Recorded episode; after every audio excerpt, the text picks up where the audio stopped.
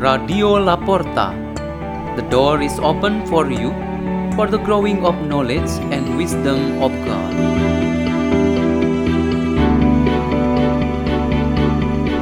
Delivered by Kelvin Pramdipta and Mariska Yulena Tobing from St. Peter's School in Jakarta, Indonesia.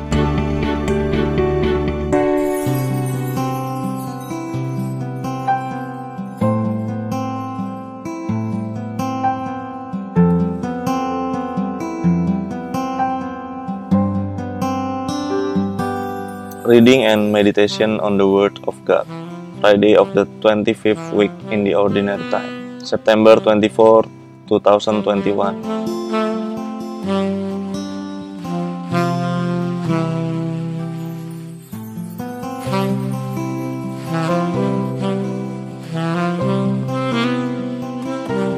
The reading is taken from the Holy Gospel according to Luke chapter 9, verses 18 until 22.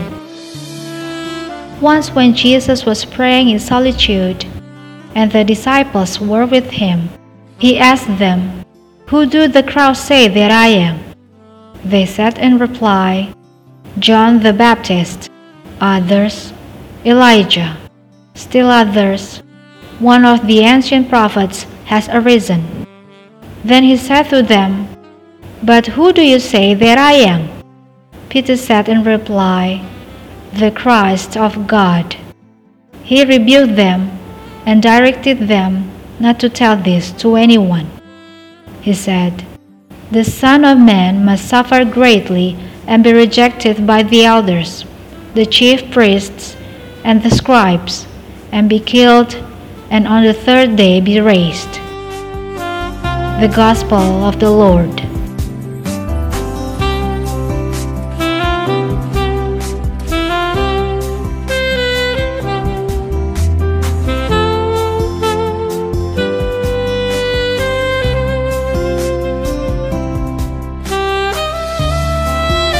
Theme for our meditation today is Christ is the Lord who rules us. Decades after the European missionary priest had died, finally the parish church could be repaired to become its actual form, which is according to the today's community need. The parish priest has been working earnestly with his parishioners to realize the parish church building according to what they together desire. The work of rebuilding the church could be said to be a form of perfect solidarity work. The bishop's recent visit and his points of guidance have become a strong motivation for the renovation of the church building. The priests in the parish have decided to rebuild and they were fully supported by all the parishioners.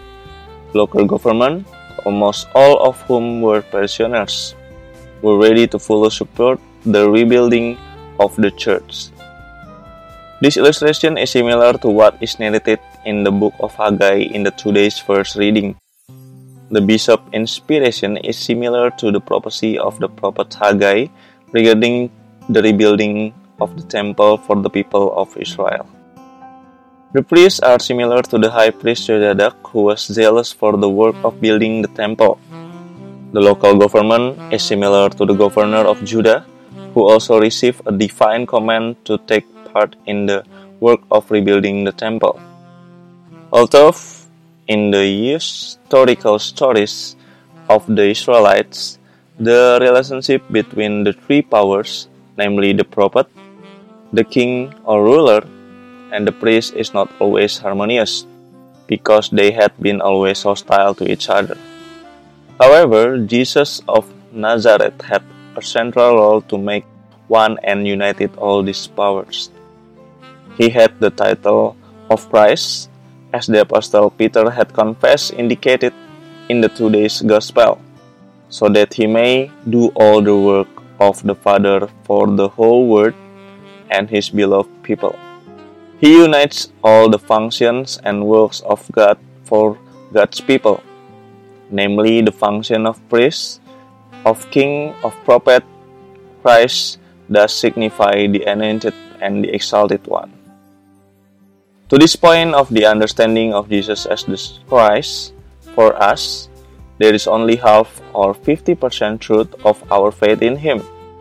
Because what Christ really does in the Word is not only affirming Himself as Lord and Christ, the other half of what He does is to include us, His followers, in the building up of the kingdom of God in this world. Through baptism and the other sacraments we receive, we participate in this mission of Christ.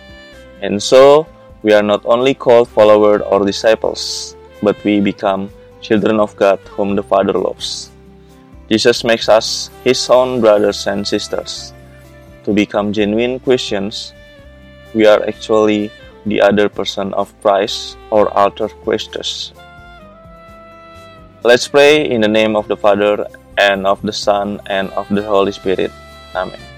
O Lord Jesus, may we remain members of your kingdom and continue to grow in your way. Glory be to the Father and the Son and the Holy Spirit, as it was in the beginning, is now, and ever shall be, world without end. Amen. In the name of the Father and of the Son and of the Holy Spirit. Amen. Radio La Porta. The door is open for you.